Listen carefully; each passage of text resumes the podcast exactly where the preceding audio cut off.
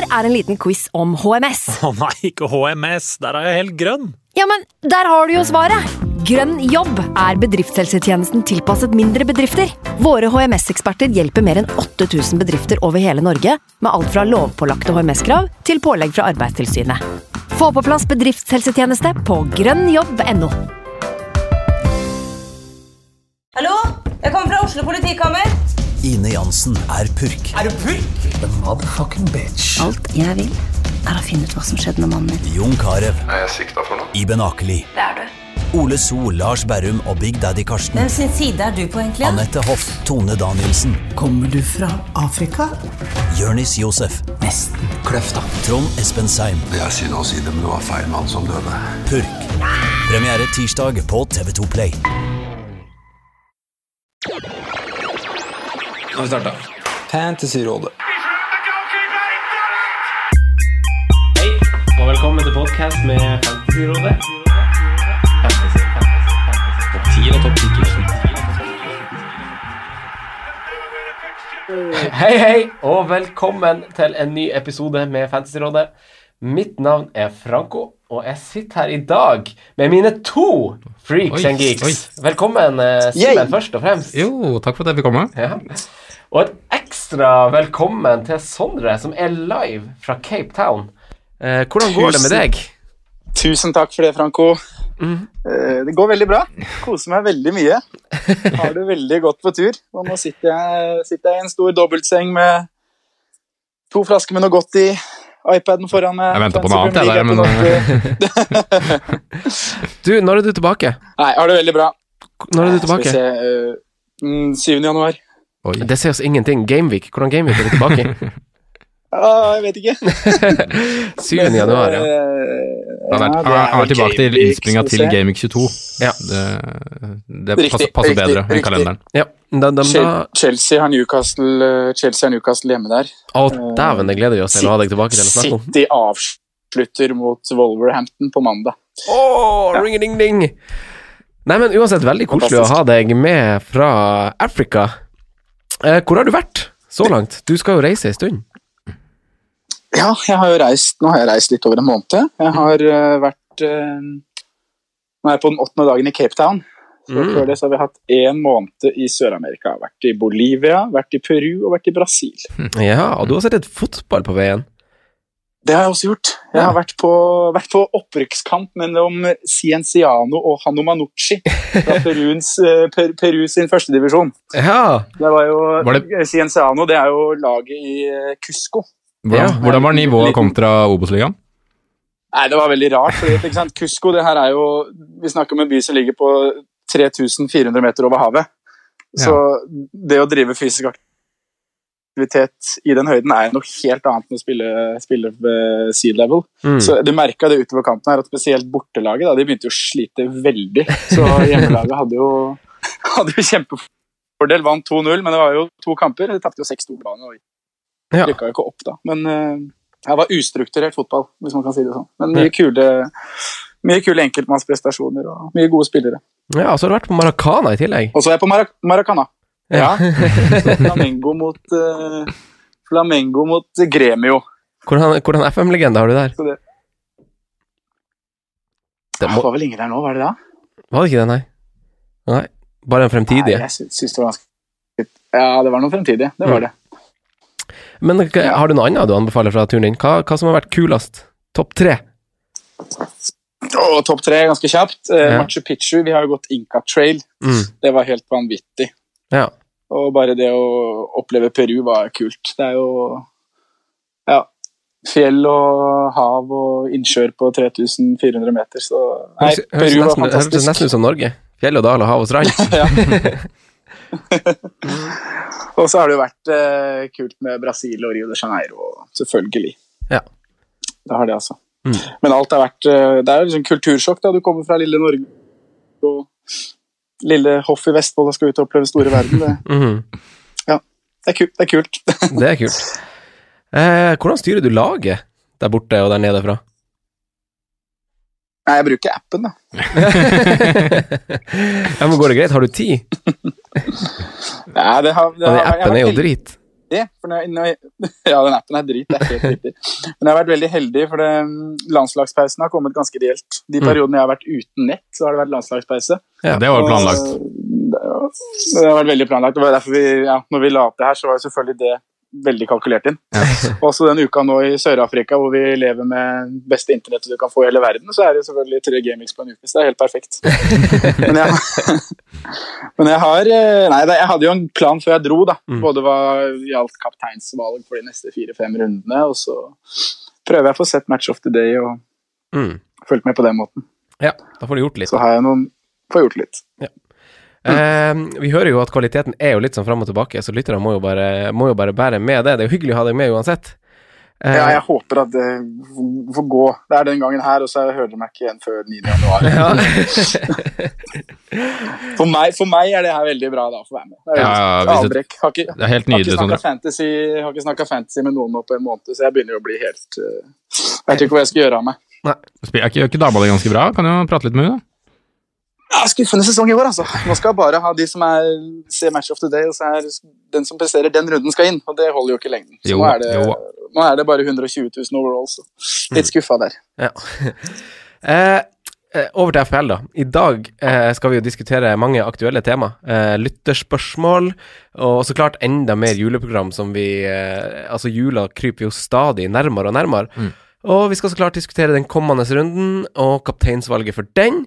Eh, koppene våre, eh, gutta, som, eh, som vi skal dele ut, Gameweek 13-koppene, har vi funnet eh, Holdt jeg på å si vinnere av, det er jo tapere. The biggest loser her. Nei, er vinner, vinner. Vi kontaktet dere på Facebook eh, før helga. Eh, men før vi skal snakke mer, eh, runden som gikk Simen, hvordan, hvordan gikk runden for deg? Den gikk tålelig greit. Det ender på 58 poeng. Ti spillere som spiller, men reddes vel egentlig av en Harry Kane. Ja. Egentlig, kort fortalt. Men litt sånn surt òg, for jeg bytter på en måte ut to Bytter ut en med mål og en med assist, og så bytter, setter inn på, på Kane da, med Men hva var, hva var byttene dine? Hazard og Jimenez Mm. til Kane og Camaraza Ah, riktig. Bare en nødløsning, egentlig. Men eh, ja, helt tålelig greit. Jeg skulle bli kvitt Hazard, Mm. så ja. Eh, Sondre, hvordan gikk det med deg? Eh, endte på 69 poeng. Mm. Oi, oi, oi, oi. Så happy med det. Jeg tok fire minus, da. Ja. Det var uh, halvveis gjennomtenkt på en liten snurr her nede, så jeg blei fryktelig lei av eh, Rui Patricio. Ja. Så uh, da kjørte jeg fire minus og satt på Fabianski. Mm. Um, så det var jo en fin, uh, fin fire minus, selv om det fire minus på keeper er jo ikke noe vi liker. Nei. Eh, Så hadde jeg også to, to gratis bytter. så jeg satte på Stirling for Hazard og kunne sette på eh, Kane for ja. Hva var det jeg tok ut der? Aguero, selvfølgelig. Aguero, ja, Kane for Aguero. Ja. Uh, så litt sånn dårlig timing på det Stirling-byttet, det var jeg litt forberedt på også. Jeg var Mm. veldig nære å gjøre Stirling inn før, eh, før kampen de hadde i helgen, men så sto jeg over den og hadde Hazard med videre. Så sånn, sånn var det. Litt flaks med, med Fabianski der. Clean-sheeten ryker jo på overtid. Mm. Mm. Uh, Murphy skårer målet, Ja. og han, han kom jo inn da, fra min benk, så det var egentlig det gikk opp i opp. Så, får inn både Doverty og Murphy fra benken, og det er 11 poeng, så Ja, det er solid, det. Mm. ja, fornøyd med det, altså. ja, det må det være. Nå er jeg oppe på, oppe på eller 16 000 overall, da. Så Ja. ligger, og, ligger der stabilt siden jeg forlot Norge. Eh, jeg også hadde jo liksom planlagte bytter, litt som dere, høres det ut som. Uh, jeg hadde to frie bytter gående inn i den runden, uh, og jeg hadde jo egentlig en ganske fin runde nå, jeg fikk 70 poeng. For jeg hadde en ganske tøff helg. Og altså, jeg bytta inn på han Sané, som jeg har uh, sikla på egentlig ganske lenge. Og han har jo blitt banens beste i et par kamper på rad nå av City. Og så satte jeg på han Kané for han Aguero. Kané. Så det, det, det, jeg, syns det passer bra, fordi da jeg så Mangler bare Mané, du, da. ja, hele rekka. Men jeg syns det passer bra, fordi uh, han, uh, han Da jeg så vi har, Det har jo vært to runder siden forrige innspilling for vår del, Mm. og han Hazard eh, er jo alltid god. Uh, men han så ikke så fantasyfarlig ut i helga. Jeg så ikke kampen i går, for jeg satt og så Arsenal. Arsenal. Eh, men han, altså, jeg fikk nesten litt sånne vibber fra han Sanchez i Arsenal. Uh, det, det blir å overdrive litt, men han sto og liksom og dribla og skulle gjøre veldig masse på egen hånd. Og liksom mange av løpene gikk, og så ble det veldig stillestående, og så dribler han, og så slår han ikke den pasninga man tror han skal gjøre, liksom aldri. Så jeg var egentlig ganske glad for å få han eh, Hazard ut. Og så er det jo han Kane som, som eh, kaptein som leverer. Eh, Docherty, eh, Raúl Jiminez, Marcial. Eh, der ble jo tålmodigheten min satt på prøve. Jeg trodde han hadde brent alle bruer, men eh, men eh, han kom altså inn og skåret et mål da, eh, på laget mitt, selv om han røyk etter hvert. Så kollektivet stiller jo opp. Richarlison leverer jo òg, og Sané leverer. Så, så det, det er jeg jo fornøyd med. 70 poeng. Eh, nå er det rundt 400 overhold, tror jeg. Det var ei rød pil i helga, og så ei grønn pil nå. Så happy. Happy with that. Fan, fantastisk. 434.-plass overall, Franco. Du, Takk. du er flink i år. jeg har ikke tatt hit ennå. Det, det Nei. Nei, det Det er noe med det, altså. De, de som ender høyt, de tar ikke hits. Nei, men det er litt flyt òg. Altså, jo, Det jo, så klart det er det, men det handler stort sett da om å Ja, du må jo treffe, men om å gjøre ting kaldt og rolig og ha en plan. Ja, og litt planlegging og litt pengestruktur og sånn. Eh, talking points. Eh, FPL Piglet eh, Piglet Eh, lurer, på, lurer på om vi kan hjelpe folk eh, roe seg litt over julestria. Er det for mange som stresser over rotasjon, egentlig, Sondre? Er det unødvendig? Ja, det er jo, rotasjonen vil jo komme, så det viser jo bare viser jo viktigheten av det å faktisk ha en spillende benk, da, sånn som Gaviken i går. Mm. Eh, som jeg får inn 11 poeng fra benken, selvfølgelig er det flaks og tilfeldigheter som gjør det, men jeg har i hvert fall en benk som, som spiller, da. Du, det er bra Og- squad management. Ja, det er, men det er jo det det handler om nå i den Mm. tida vi går inn i. Så ja. Mm. Vi vet, vi vet det vil komme, så ha, jeg ville hatt litt ekstra fokus på det. Spesielt når man er på wildcard og, og sånne ting. Og de byttene man gjør nå. Tenk på at spillerne du setter inn, de er de skal være nailed on for, eh, for så mange 90 minutter som det går an å få. Mm. Eh, Så er, uansett spillere som Robertsen er det ikke noe man skal gjøre med uansett. Man får en hvil nå, så, så tar man den, og så, så går man videre. Mm. Ja, det er, ikke, det, det er ikke snakk om hvil der, da. Det er jo snakk om en smell. Mm. Men hva tenker du, Ja, Simen? den har, den har ikke nådd Afrika, Simen. Okay. Nei, men det er jo snakk om en liten smell, så, men han, jeg tipper nok også han er tilbake, så jeg, vil, jeg støtter poenget ditt, altså. Men det kan på en måte, kan fort bli en kamp til, da. Hvis man ser på en måte sånn. Ja, jeg, jeg er egentlig enig med Sondre, man kan liksom ikke overdrive det heller, men samtidig så er det sånn, sånn som nå sitter jeg med, med to røde flagg, eksempel, da. Og da føler jeg på en måte nesten at det kan være verdt å gjøre en minus fire, bare for å liksom få folk som spiller, da. For nå hadde jeg ti allerede denne runden her, og så har jeg to røde nå, Mm. som gjør på en måte at det er nesten verdt å ta en minus fire flagg for å ha. Ja. Mm. Så mm, det er kanskje nå man skal gjøre noe, da. For um, kanskje man får inn en kanon, og så en som bare sanker noe to- og treerpoeng, liksom. Altså, mm ja. Men det er eh, Nå ville jeg, jeg ville tenkt mer på hvem jeg tar inn, da. Ja. Altså få inn stopp, Nå få inn stopperne, da. Nå ville jeg gått van Dijk foran Robertson hvis du skal bytte inn, eksempel, da. Og Ja. de poengene vi har hatt, vært, egentlig vært gjennom i alle år, egentlig. Ja, stoppere foran wingbacker Mm, mm. osv. osv. Ja, for jeg er jo også litt på både ja og nei, liksom, hvor masse man burde frykte i rotasjon. Litt som dere sier, eh, det er jo en som følger opp med at det er ikke så mye rotasjon i jula som det folk skal ha det til. Eh, Det var ekstremt mye nå, da. det var ekstremt mye nå, Mm. Uh, og, jeg, og jeg kan nesten tro at det her kanskje er den runden som kommer til å være mest rotasjon i. Kanskje vi får én runde til i romjula. I hvert fall for de lagene som har Champions League og sånne ting, som har en avgjørende match, kanskje. da. Det er akkurat det, for spesielt lagene med de litt breie troppen. Uh, I fjor hvilte jo storlagene de aller fleste spillerne sine i én kamp i, i juleprogrammet, det har vi snakka litt om tidligere. Så, så handler det litt om å kanskje prøve å tolke hvordan kamp det er i. Altså Liverpool eksempel har jo Newcastle hjemme Mm. før de har to ganske tøffe kamper. Er det gans, ganske naturlig at de kanskje hviler noen der? Klopp hvilte alle, alle sine kanoner i én kamp i fjor, og han gjorde det også i går, åpenbart.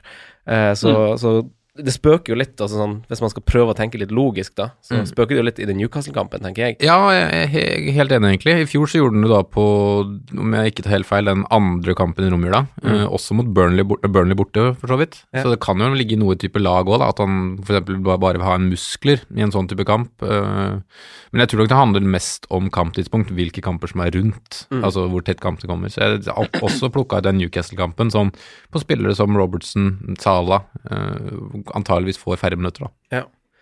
Og, og, så, og så vet jo nå, nå roterte jo City også han eh, Laporte, som, vi, som jeg fortsatt tror kanskje er den mest sikre i laget. Mm. Eh, det tror jeg jo også, selv om han ble rotert nå. Eh, men kanskje han Bernardo, tenkte jeg, kanskje han er nummer to på lista over liksom av, av offensive spillere. Ja. Er han den som kanskje er den som kanskje er mest sånn nailed eh, for startplass i jula? Fy flate, så god han har vært i det siste.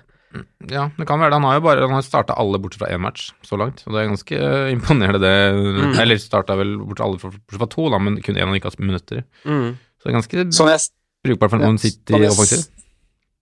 sånn jeg ser på den eh, City-situasjonen der rundt Bernardo Silva, så tenker jeg at det har veldig mye med Kevin De Bruyne å gjøre. Mm. At han nå får en veldig tøff periode nå, har fått det fra sesongstart og fram til nå. Kommer også til å få det også gjennom jula, men så fort Kevin er klar til å spille matcher, så tenker jeg at eh, Bernardo kommer til å få den hvilen Mm. der, da, som han også da kanskje trenger. Mm. Så jeg, jeg støtter jo at han er kanskje det nest, nest sikreste kortet i, Mm. i den leiren der per dags dato. da. Mm. Eller, Nå fikk jo Stirling selvfølgelig veldig sikker, men Mm. Der har du jo prisen i bildet igjen. Nei, men ingen er trygg i City, og ingen er kanskje trygg eh, generelt for rotasjon i jula, så man må bare tenke på å ha litt Altså, man må, nå må man jo prioritere på å bytte ut der det virkelig brenner. Altså, du må få ut dine røde spillere. Du kan kanskje ikke Sånn som jeg noen som egentlig hadde en annen plan, hadde ikke lyst til å bytte ut Arnautovic, men nå må jeg jo prioritere å gjøre det. Ja. Det er veldig naturlig at man tenker sånn, da. Sånn blir det dessverre iblant, og det er jo også noe som skylder det tette kampprogrammet, at sånne typer skader kommer, da. Helt enig. Men hvis det kommer på altså bare det med folk som er sikre, så har du jo Harry Kane. Han har spilt minimum 85 minutter i, i samtlige matcher til nå. Og Tottenham også starta jo i fjor. Starta jo i juleperioden. Starta jo han Kane var syk den ene kampen, det snakka vi om, Mm. Simen. Eh, sokkegreia. Men eh, alle de andre starta jo fire kamper hver. Ja. Eh, til og med Son gjorde det, men da var ikke Lucas Mora kommet. Han har nå litt konkurranse. Men, Det er sant. men eh, Porcettino er jo kanskje en mann man titter litt til, bortsett fra backene, da. Så, så er han sånn, litt sånn kontinuitet i elveren, i hvert fall. Eh, Nils Terje Wihovde fører oss inn på det som muligens er naturlig å ta først eh, i dag. Arnautovic-erstattere. Eh, er det naturlig å bruke muligheten til å oppgradere eller omrokere litt i laget, eller bytter man til Mitro Wilson eller en spiller i samme prissikte, Simen? Um, har du mulighet, så ville jeg kanskje gjort om, ja. Altså si at du tar en enten eller minus fire, eller om du har spart bytte, og så får du på enten Kane eller Aubameyang, som jeg tror kommer til å være ganske bra en periode framover. Eh, spesielt i neste kamp så er jo, har jo Aubameyang Huddersfield hjemme, og så er Southampton borte før Burnley hjemme igjen. Det tror jeg er tre meget fine matcher for en som antageligvis blir hvilt i Europa League. Ja, helt klart. Mm. Eh, det er jo det vi også har snakka litt om. Hva, hva tenker du, Sondre? Nei, jeg sitter jo, sitter jo selv med Arnautovic, og jeg syns den skaden den er ut- utrolig ubeleilig tidspunkt på. For det, det er som dere sier, man har muligheten til å bytte til en annen billigspiss. Mm. Uh, det er kanskje de heiteste alternativene Wilson, eh, Mitrovic. Eh, ser man på kampprogrammet til Wilson, så møter han og Liverpool. Det frister ikke meg å sette på Wilson før han skal møte Liverpool, selv om ja, vi vet han har vært picture proof i år og levert også mot gode lag. Men i løpet av de, de fire-fem neste kampene så mener jeg Det har vel Bournemouth både Liverpool, de har Spurs og United over jula. Ja. Uh, så jeg er skeptisk til det. Uh, Mitrovic nå, god underliggende statsmessig, har uh, leverer bra med skudd i boks, også touch i boks. Skal nå til Old Trafford. Eh, eh, Derfor frister det heller ikke å gjøre akkurat det byttet. Eh, og så har du den muligheten som Simen nevner her. Må, hvis du har spart opp to bytter, jeg sitter jo fint i det og kan gjøre Mm. nedgradering på midtbanen og så sette på en Kane eller Abomayang. Mm. Eh, I min situasjon så krever det fire minuspoeng, og da jeg synes det Jeg må også da ta ut Sala. Og ta ut Sala før en Bournemouth-kamp, da. Eh, For minus fire? for fire, fire minus. Mm. Ja, det, det, det, det faller liksom ikke Det er ikke riktig. Spesielt når du tenker på at Sala nå er uthvilt, satt, uh, satt på benken store deler av kampen i går. Eh, Bournemouth faktisk ganske dårlig underliggende tall. Mm. Uh, de har møtt både City og Liverpool Nei, som i hvert fall City i løpet av de fire siste. Eh, men slapp f.eks. til veldig mye sjanser eh, Ja, og Arsenal. Men de slapp også til veldig mye sjanser mot Huddersfield. Mm. Eh, så jeg tror at det er en kjempekamp å ha Salah i. Så det er det som stopper meg fra å gjøre den fire minusen, selv om Abomayang selvfølgelig frister veldig. Mm. Vi skal sikkert snakke mer om Abomayang, men jeg syns jo også det er blitt en litt sånn der Twitter, Twitter-auba-hype, hvis man kan si det sånn. Ja. Ja. Ja, Så det er mine tanker. Akkurat nå, akkurat nå så har jeg Natovic eh, lengst ut på benken og er veldig i tvil hva jeg skal gjøre. Jeg har et greit lag og kan spare. Mm. Eh, Det eneste som på en måte er bakdelen med det, er at folk eh, er jo så trigger-happy nå og bytter i vilden sky, så han synker jo, han synker jo hver time. Ja. ja, men jeg tenkte, for å ta en på Mitrovic først eh, han, Ja. han og Han er jo ett kort unna suspensjon. Ett gult kort unna å miste en kamp. Mm. Eh, det er jo verdt å nevne. Kan, kanskje han får det mot United allerede. Se Eh, bort fra det. Nei. Bort vekk. Eh, et, altså, jeg er jo også Det er jo veldig naturlig å titte til, til uh, Wilson, tenker jeg, på grunn av uh, eierandelen hans, og på grunn av at han har vært så fixture-proof, og hvor masse verdi det åpenbart er for Mm. pengene i han, og det har vært hele høst. Eh, Bournemouth har skåra i 13 av 15 Premier League-kamper, og gjorde en veldig god figur mot City, eh, og heller, heller det motsatte mot Huddersfield nå, det er jeg helt enig i. Og Wilson har jo både skåra mot City og United, eh, og etter LFC, så er det jo Etter Liverpool, altså, så har jo Wolverhampton har jo sluppet inn mål de syv, syv siste kampene. De er jo blitt litt avslørt på sin taktikk, syns jeg. Eh, og Brighton, som de møter kampen etter, er jo uten han Duffy. Eh, og ja, så, så jeg vet ikke, jeg føler liksom uh, Bournemouth er bedre enn de to lagene, da, og, og med så Altså, han Wilson har jo 16 målpoeng på 15 kamper, og han koster så lite. Han har 64% målinvolvering i klubben, og det er jo kun ett én spiss i eh, samme prisklasse, eller som kan være et alternativ, som har mer målinvolvering, og det er han Raúl Jiménez, som har over 70% målinvolvering for Wolverhampton. Men han har jo igjen bare ni målinvolveringer totalt.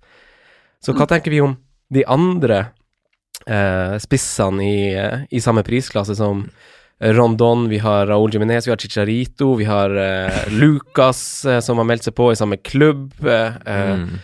Hva tenker vi om, om de? Murray gikk vel, halta vel av banen nå igjen.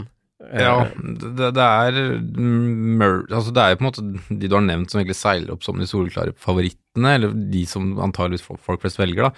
Eh, Jeg syns liksom ellers så er det folk som er tynn suppe, men jeg håper litt at eh, Saha snart skal melde seg på igjen. Det snur litt sånn snart, i hvert fall avstand mellom de røde kampene. At kanskje han Men der er det på en måte mer lagproblemet, egentlig er en Saha-problemet, føler jeg akkurat nå. Han har også ett gult kort unna suspensjon. Ja, ok. Er bra du har kontroll, for det hadde ikke jeg.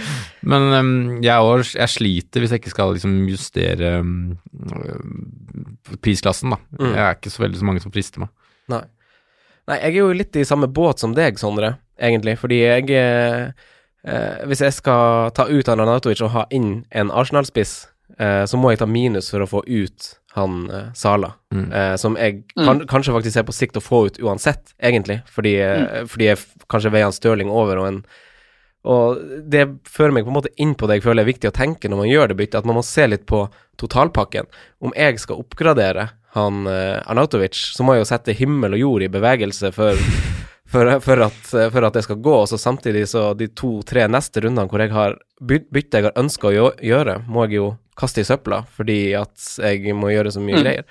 Og samtidig så føler jeg at eh, poengene på midten er mer stabile hos de gode spillerne kontra på topp, hvor vi har hatt eh, jevne poengplukkere i Raúl Jiminez, Wilson, som er helt der oppe med de gode spissene. Mens på midten så skiller det seg jo ut eh, betraktelig, syns jeg, med Stirling, Sané og de gutta der framover. Jeg tror Son kommer til å melde seg på, Alli. Så jeg vil heller ha, ha pengene mine strukturert på en måte som gjør at jeg kan, kan ha gode midtbanespillere, om dere skjønner hva jeg mener. Jeg skjønner veldig godt hva du mener, og, og, og litt inn i det uh, diskusjonen her da med om man skal ta på Auba eller ikke. Mm. Det kommer jo også kap, kap, kapteinsemne. Mm. Uh, og jeg kikka litt på det sånn, det er jo min personlige melding, hvis, men hvis jeg skulle satt på, satt på Aubameyang nå, så hadde det vært egentlig kun for å dekke denne kapteinen i Gameweek, uh, Gameweek 16. For da, Gameweek 17 mener jeg Tottenham er et mye bedre kapteinsalternativ. Mm. Gameweek 18 møter eh, Arsenal har Burnley hjemme, men jeg ville heller gått uh, Stirling-kaptein som møter Crystal Palace hjemme. Mm. Eh, og Gameweek 19 så har du Spurs møter Bournemouth hjemme og Liverpool møter Newcastle hjemme. Mm. Så over de fire neste gameweekene så vil mest sannsynlig Aubameyang bare blitt kaptein av én gang. Mm. Og da tenker jeg også ikke at den fire minusen forsvarer det, da. Mm. Bare med tanke på hva, det, hva man må ta ut. Mm. Uh, og så har du jo det, den, den diskusjonen som går med hvor, hvor han spiller, da. Kommer han til å spille kant igjen nå som Lacassette er tilbake? Eh, han har også spilt kamp nå på, på søndag og onsdag, og Arsenal spiller vel igjen på lørdag, om jeg ikke tar helt feil. Mm. Jo da, men så er det en Det er friuke etter det, da. Jo da, men det er uansett mange kamper på, på få dager, og Emry er jo kjent for å rullere, så jeg syns ikke det er sikkert at han skal starter heller. jeg. Nei. Jeg er egentlig litt enig med deg. Eh, men om, Men det er på en måte de tallene hans da, som på en måte er så fristende. altså Ikke bare det at han har så mye mål og sånn i fjor, men han har cirka kopiert det på ca. like mange minutter han fikk siden han kom fra januar da, i fjorårssesongen, så det er en ganske jevn stabilitet på Aubameyang. da. Ja, fantastiske tall. Ja, Nå vi har ikke skal- jeg kikket direkte. Ja. vi skal snakke Nei, litt er mer om de etterpå òg, faktisk. Vi har fått direkte spørsmål om han og Lacassette, faktisk. Mm. Eh, så det Ja. må jo blitt gjort, gjort litt samtale om. Men eh, alternativene i samme prisklasse, så hvis jeg kaster ut litt statistikk nå, så må dere gruble litt på det. Eh, statistisk så gjør jo han Rondon det til 5,7. Han gjør det jo best for tida. Han har jo flest skudd av alle i Premier League. 18 skudd på siste fire rundene, 13 av de er i boks. Kane og Hazard har eh, fire skudd mindre, som er på nummer to. Eh, hva tenker vi om eh, han Rondon? Er det, er det en spiller som vi tidligere har beskrevet som et blaff? Kan vi fortsatt stå for det, eller er det eller er det en mann å få på? Han har fortsatt noen fine kamper foran seg. Problemet kanskje mest med Rondon er jo egentlig at han spiller spiss i Newcastle. det kan jeg forklare. Det er fordi de har Rafa som trener og kommer til å mure igjen som første prioritet. Ja. Så det blir liksom Jeg ser for meg taket for så vidt er ganske lavt. Jeg tror Mm. ikke han kommer høyere enn Får han en tosifra? Mm. Tviler, egentlig. Og jeg tror ikke han kommer hvis til å matche noen av de andre spissa. Nei, det er jo hvis joker. Se på de fire, fire neste kampene hans òg, da. Som, det er Wolverhampton, relativt tight. Huddersfield også relativt tight de siste fire gameweeks. Uh, så har han Fulham med ny manager, Mm. når du sn- strammer inn. Så kommer Liverpool. Nei, Mm. vil ikke ha Rondon i de matchene. Nei, jeg er enig. Det var kanskje ikke så grønt som det høres ut som når man sier det høyt. uh, men i samme klubb som Arnatovic spiller, så har vi jo som sagt Chicharito, som har flest store sjanser i samme periode som Rondon har skutt mest, men med atskillig mye mindre minutt. Han er jo helt ekstrem på å komme seg til store sjanser. Uh, og så har vi jo Lukas Mm. som kom inn. Uh, begge to koster 6,2. Og Lukas kom jo inn som sagt og skårte to mål. Hva med de? For Westham har jo vi snakka veldig opp som et lag man ser til mot jula. Hva tenker du, Simen, om de? Um, jeg tenker egentlig at det, når Lucas kommer inn og skårer to, så er det nesten det synd for uh, Chicharito på et fancy perspektiv, da, for da blir det antageligvis at de kanskje må stjele minutter fra hverandre. Mm. Uh, for jeg vet ikke om han tør å satse på begge. Uh, og nei, jeg, vil ikke gå en som på en måte kommer til å bli kasta ut igjen med en gang Arnatovic er tilbake. Nå veit ikke jeg hvor lenge Han, han blir ute en stund. Ja. Godt over jul. Jo da, men uh, fortsatt Det er en del gameweeks, da, men jeg veit ikke om jeg ville gått den veien der, ass. Da, frist, da, heller, da biter jeg heller det sure eplet og kaster inn Wilson, liksom. Mm. Det er ikke et surt eple, det. Jo, men, jo, men sånn som når de har liksom bestemt seg for å ikke ha ham, da. Så er det Jeg skjønner ikke det her Wilson-hatet jeg føler dere har hatt fra start. altså Nekta å bytte han Joshua King til Wilson. Tenk hvis dere bare hadde gjort det. Dere Nei, Jeg har aldri hatt Joshua King. Ja, Sondre hadde han Joshua King. Nei, jeg er det. Jeg hadde Josh, vet du. Rom, putt en R opp for Romsås. Ai, ai, ai. Nei, men eh, jeg er egentlig helt enig, Simen, faktisk. Det er kanskje ikke karene man stoler så masse på. De har hatt lite spilletid. Hva tenker du, Sondre? Nei, jeg, jeg er helt enig i hva Simen sier. Ja. Trenger ikke å føye til noe der. Jeg, det, er jo ikke, det, blir jo, det blir jo en liten kamp mellom Chicharito og Lucas mm. Perez nå. Mm. Har ikke tenkt noe på det, egentlig. Så om vi skal lande da i samme prisklasse, hvis dere gjør en swap i samme prisklasse, hva tenker dere da? Hvis vi bare drar to strek under svaret? Mm. Wilson slash Jimenez. Mm. Jeg er helt enig, egentlig. Sondre? Nei, jeg, jeg, jeg, er enig i Jimenez, men Mm. han har jeg jo. Så jeg et, et, et, Vanskelig å si, men jeg tror faktisk jeg vil gå Mitrovic. Mm. Ja, det er, det, er, det, er litt, Det er litt vondt for meg å, å bytte tilbake til Jimenez. Jeg tok den ut før runden nå, da. Ja. Den er sur, den her òg. Ja, eh, den er sur. ja, og da skjønner jeg. Men man har jo også Det blir et surt eple. men man har også muligheten til å gå ned her og, og velge spiss, billigspiss sitter på benken, typ uh, suksess Kamara, mm. for å, for å laste på, på midtbanespillere. Mm. Det Det, går også an å gjøre. Det er en mulighet, i og med du nevner jo tidligere alle de midtbanespillerne som er så, er så i form. Og bra. Stirling, Sané, Ali, Salah. Mm. Så du kan hamstre bra ved å gjøre, på, gjøre det på den måten. Eh, FPL Chris, en av flere som påpeker ficture-swingen vi har snakka litt om, eh, Simen, i, i podkast i det siste. Mm. Hvordan spillere vil man ha fra Tottenham og Westham, og, og hvorfor akkurat de? Uh, skal, vi, skal vi starte med deg, Sondre?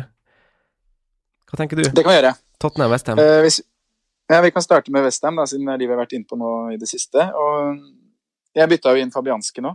Ja. Jeg syns jo Jeg starta sesongen med Fabianski og tenkte jo på en måte at det, det var et valg jeg skulle gjøre eh, Eller en keeper jeg skulle stå med hele sesongen. Så blei det en bedrøvelig, bedrøvelig, bedrøvelig start der. Mm. Um, men nå er det Det har satt seg litt defensivt. Slipper jo inn mål mot Cardiff i går. Det, men det ser bedre ut uh, underliggende statsmessig, og, og ikke minst kampprogrammet de har, da, som FPL-Chris uh, nevner. Det, Mm. det er grønt så langt du kan se. Mm. Så Fabianski, hvis man skulle gjort noen keeper, keeperendringer, er det billigkeeperne ville gått for. Ja. Ja, og så er det jo Jeg syns det er vanskelig ellers med Westham. Nå som Arnatovic var ute med mainman, som var mainman, og han er ute, så Jeg har ikke blitt helt solgt av den Filippe Andersson-basillen. jeg er ikke, helt, er ikke helt der. Nei, tre skåringer nå for Westham og null involvering av han. Nettopp, nettopp det som gjør at jeg tenker at ja, Men det har i hvert fall du, burde Simen, vært inne på. Simen, du har i hvert fall vært litt inne på det, at uh, han Felipe Andersson er litt sånn som har litt sånn høye topper, og så blir han litt borte. Ja, så, jeg, Han er litt sånn periodemann. i hvert fall den feelinga jeg har av Felipe òg, men altså taka, Han har et høyt tak, da, og Mm. jeg syns på en måte han har vært god i den siste perioden. Uh, Det har han vært. Syns han var veldig god mot Newcastle, egentlig. Og, men ja, nå fikk jeg ikke sett så mye av den Cardiff-kampen. Jeg så egentlig ikke så nøye på de store sjansene og sånn heller, men jeg er, ikke, jeg er litt sånn, jeg blir ikke helt solgt. Jeg, det, jeg får den jo heller aldri inn på laget, på en måte. Så det er et eller annet som holder meg igjen med han, med Martial, med sånn, litt sånne typer. Da. Mm. Nei, jeg er litt enig, men eh, for jeg, jeg altså, Mest fordi Jeg sier kanskje egentlig ja, jeg syns ikke, synes ikke man skal begynne å bytte han ut, men eh, men eh, sånn som jeg ser det, så vil jeg heller ha Jeg ser etter en mulighet til å få åtte pluss eh, midtbanespillere. Men har du nå, så er jeg helt enig, ja. Da Ja. skal du ikke tenke på noen ting, for da det har antageligvis mye annet som brenner enn Filip Andersson. Hva med han eh, Snoddy?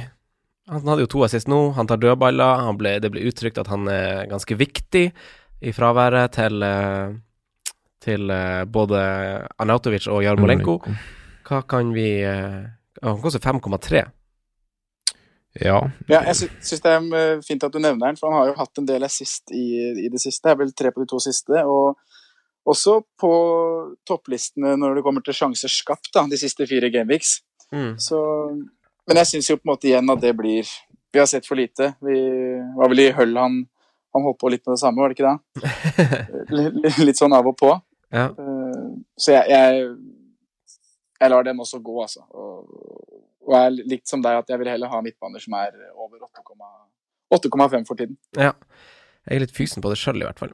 Uh, men tilbake til det defensive, så er jo jeg også på Der burde man kanskje ha en Westham. Uh, jeg har jo sjøl han Balbuena, så jeg kommer ikke til å doble opp med Fabianski. Og jeg har jo han bare fordi han han, var, han er målfarlig. Mm. Uh, småskader i midtuka, han fikk seg en liten knock i helga, men uh, han er jo mest sannsynlig tilbake. Det tok jo Sabaleta for liksom han hadde sikreste kortet, men så plutselig var han rullert nå, da. Men da håper jeg bare det var en sånn Ja, tror du ikke det, da? Ja, jo, jeg tror det egentlig det. Ja. Altså, ja, men defensivt fra Westham skal man tydeligvis ha det. Alle vi tre har det. Tre forskjellige mann, riktignok, men Mm. eh, folk kommer jo til å bytte det på. Fabianski er nok det beste sånn sett, jeg er nok enig i det, men øh, Og som forsvarer også er det nok Balbuena som er det beste. Ja. Og vi har snakka litt om spissene, men hvor mange skal man ha fra Westham, da? To, tre, én? Jeg syns det, det holder med én. Én er nok? Ja, Ja. ja det var en uh, gulp. Rapa litt der. ja jeg, jeg har skrevet én til to. og Jeg syns det funker helt fint med to, selv om jeg eh, kanskje kommer til å prioritere det bort litt nå når han Arnautovic ble skada. Eh, Og da kanskje defensivt. Eh, men eh, Tottenham, da. Eh, jeg har skrevet ned noen navn. Jeg har han Harry Kane, og han har vi alle tre. Mm. Må man ha han? Mm. Man må vel kanskje ikke, men jeg syns jo det var Jeg var jo fornøyd med hvordan han leverte nå, for så vidt. Så det var jo derfor jeg tok den inn nå, for jeg trodde han skulle gjøre det. Mm. Og Litt, så er det litt, altså, tilbake til det vi, litt tilbake til det vi snakket om i starten av episoden. da. Sikreste kortet gjennom jula, det Mm. er Harry Kane. Mm. Ja, det føles iallfall sånn. Og det er liksom Han får jo aldri hvile, stakkar. Så Så får du et par hat tricks der da likevel.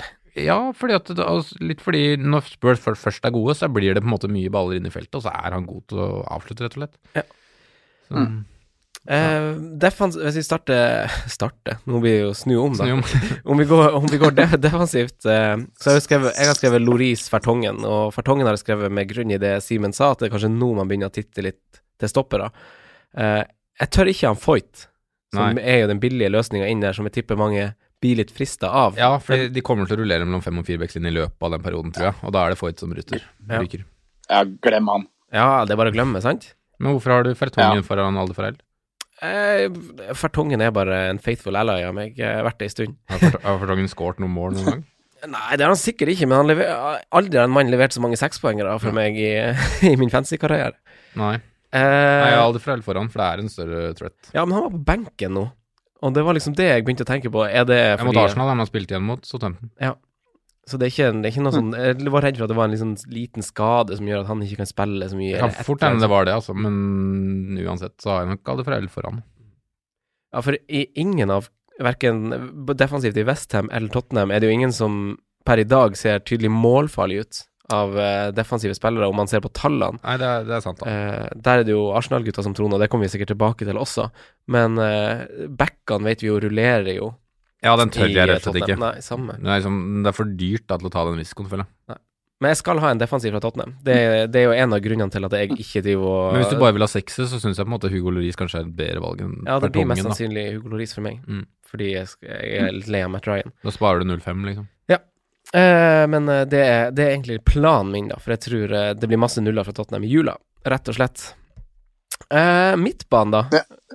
Eh, Hva skal du si, Sondre? Nei, jeg kan følge opp det med forsvaret. For jeg var jo Eller Hugo Lloris-planen. Jeg var jo sikker på at jeg skulle få inn han, for jeg trodde jo Patricio koster 4-5, jeg har 0-6 i banken. Da har jeg råd til Lloris. Nei, det gikk ikke. Så da en liten regnefeil der, så da ble det Fabianski isteden. Men uh, Lloris syns jeg er et uh, veldig greit og fint Ja. Samme. Valg eh, hvis du vil ha seksere gjennom jula. Eh, Mm. og nå nevnte vi ikke bekker, men bekkene bare, bare styrer unna det. Nå er det ryktes det hamstringskade på Trippier, og det er bare det er bare rør. Så Mm. jeg også tenker eh, en av stopperne, og per dags dato Fertongen, da. Men, Mm. Ja, og så har vi jo Vi har Son, Alli og Eriksen, som, som er bekjent hos alle. Eh, Tottenham har vært et veldig lag som har stolet på å plukke spillere fra. Det har alltid vært ganske enkelt. Eh, rullere lite. Det, det er de samme spillerne som runde etter runde leverer poeng. Eh, de starta masse i jula i fjor. Eh, Son har jo nest flest skudd i boks de siste fire rundene, og flest skudd av alle på mål. Eh, tror man ikke han kanskje er en del av uh, suksessoppskrifta til eh, Pochettino sitt angrepsspill? Etter han kom tilbake og liksom den her kvadruppelen er tilbake, så er det jo en helt annen dynamikk enn da Lucas Mora og Lamela og sånn var liksom inn og ut. Hva tenker Ja, dere? de har fått litt fart på eller han har fått, fått litt fart på angrepet igjen. Altså, de har jo tre kamper på rad med, med tre pluss skåringer. Altså Mm. fire av de fem siste år, faktisk. Så det er um, Det er liksom litt fart i Tottenham igjen. Jeg syns de var veldig gode mot uh, Var det Chelsea? Ja, to, Mm, ja, mot par, Chelsea. par runder siden. Og så skårer de, på en måte Ja, det var um, to mot Arsenal, da, sorry. Men uh, to mot Arsenal og tre mot Southampton. Så det er mye mål i de om dagen. Mm. Det er, um, og det er, har nok, som du sier, en grunn. altså at det er uh, At alle er tilbake. Eller Ja. de fleste er tilbake. Eh, hva tenker du, Sondre, om gutta her? Nei, jeg har lyst på en av, en av gutta selv, jeg. Mm. Uh, og nummer én og nummer to på ønskelista er uh, Det er egentlig sonen som er øverst, Mm. uh, men så er jeg, er redd for rotasjonen. Og, og det med tanke på at de har en ekstra spiller i år. Måte. Mm. Lukas Moura er der, og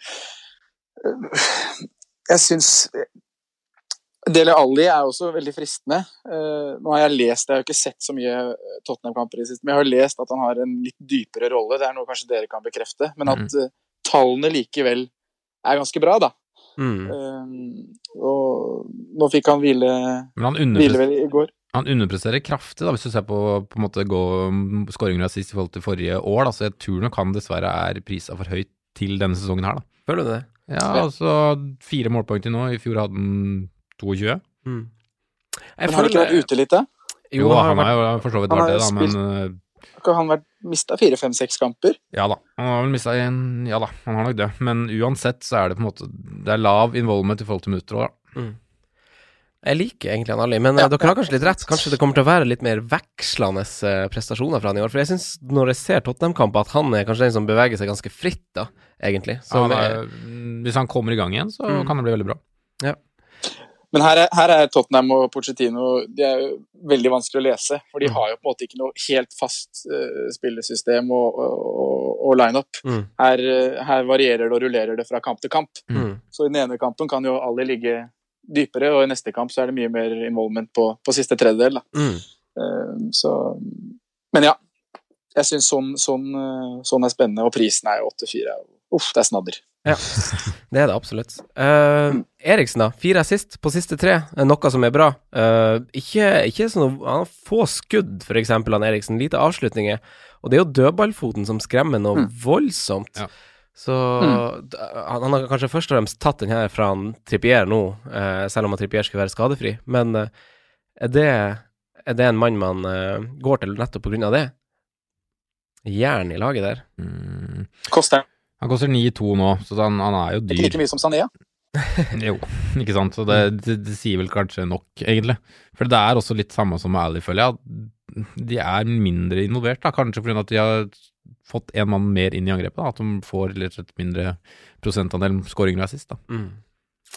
Mm. Nei, jeg vil i hvert fall ha tre fra Tottenham, og da styrer jeg jo unna spillere som, som jeg ikke tror spiller, sånn spillere som Skip og de, de her som, som, som er på benken og sånn. Merkelig, merkelig kar. Eh, så man ønsker jo spillere som spiller, eh, tenker jeg. Mm. Mm. Nei, titter veldig til Spurs. Eh, Fantasy PL Norge har noen dilemmaer vi må snakke litt rundt med tanke på juleprogram. A. Beirin Kolasinac. Simen, hva tenker du? Ja. Oi. Um, ja, nå fikk jo da Holding den skaden, var det ikke det? Uh, som Mm. gjør på en måte at hvis Monreal kommer tilbake, så blir det kanskje han som stopper i stedet. Ja. Det er vel sånn som casen er. Um, jeg sier fortsatt Bellerin, ned, for da har du på en måte en du kan stå med lenge og slipper å gjøre noe med når på en måte Holding er tilbake også. Um, ja, jeg sier Bellerin, jeg. Jeg syns han ser veldig offensiv ut. Han har jo fire assist i år også, det er ganske bra tall. Ja, hva tenker du, Sondre? Nei, jeg, jeg støtter jo Simen på at uh, Bellerin er jo det, det, det sikreste valget. Han kommer til å spille. Mm. Um, nå vet ikke jeg hva den holdningsskaden gjør med, med formasjonen. Om, de har nesten ikke stopper igjen i Arsenal. Om de kommer til å legge om til fire bak. Men hvis, hvis Monreal kommer inn i treeren og Kolasjinak fortsetter på, på bekken, så, så syns jeg han er veldig spennende. og det er liksom verdt å merke seg det. Han har Siste fire gameweeks er han, han har 27 touch i boks. Det er tredje mest. Mm. Det er bare Sané og Stirling som er foran oss. Han og så kommer Kolasinac liksom på tredjeplass. Mm. Tre store sjanser, ti sjanser skapt. eh, leverer også skudd og skudd i boks. Mm. Eh, jeg syns jo 4-9 for en så offensiv wingback i et lag som Arsenal, Mm. som ikke holder nullen, da, vel å Mm. merke. Eh, Men de, de burde jo holde nullen de, mot de lagene de møter fremover. Mm. Så syns jeg det det er Jeg fristes jo av det. Men så er vel ikke null, Bellerin er vel ikke mer enn 0,5 eh, eller Ja, 05 dyrere. 6 dyrere, da. Så det er jo ikke, Ja, stor, ja, så det er ikke store prisforskjellen sånn. Men Men allikevel ganske stor. 0-5. Ja, det, det, det, det kan gjøre noe. Og, mm, men ja, jeg syns det er litt sånn skeptisk, eller usikkert med den der formasjonen, hva Arsenal gjør nå, med Mm. holding ute. Det vet kanskje du mer om.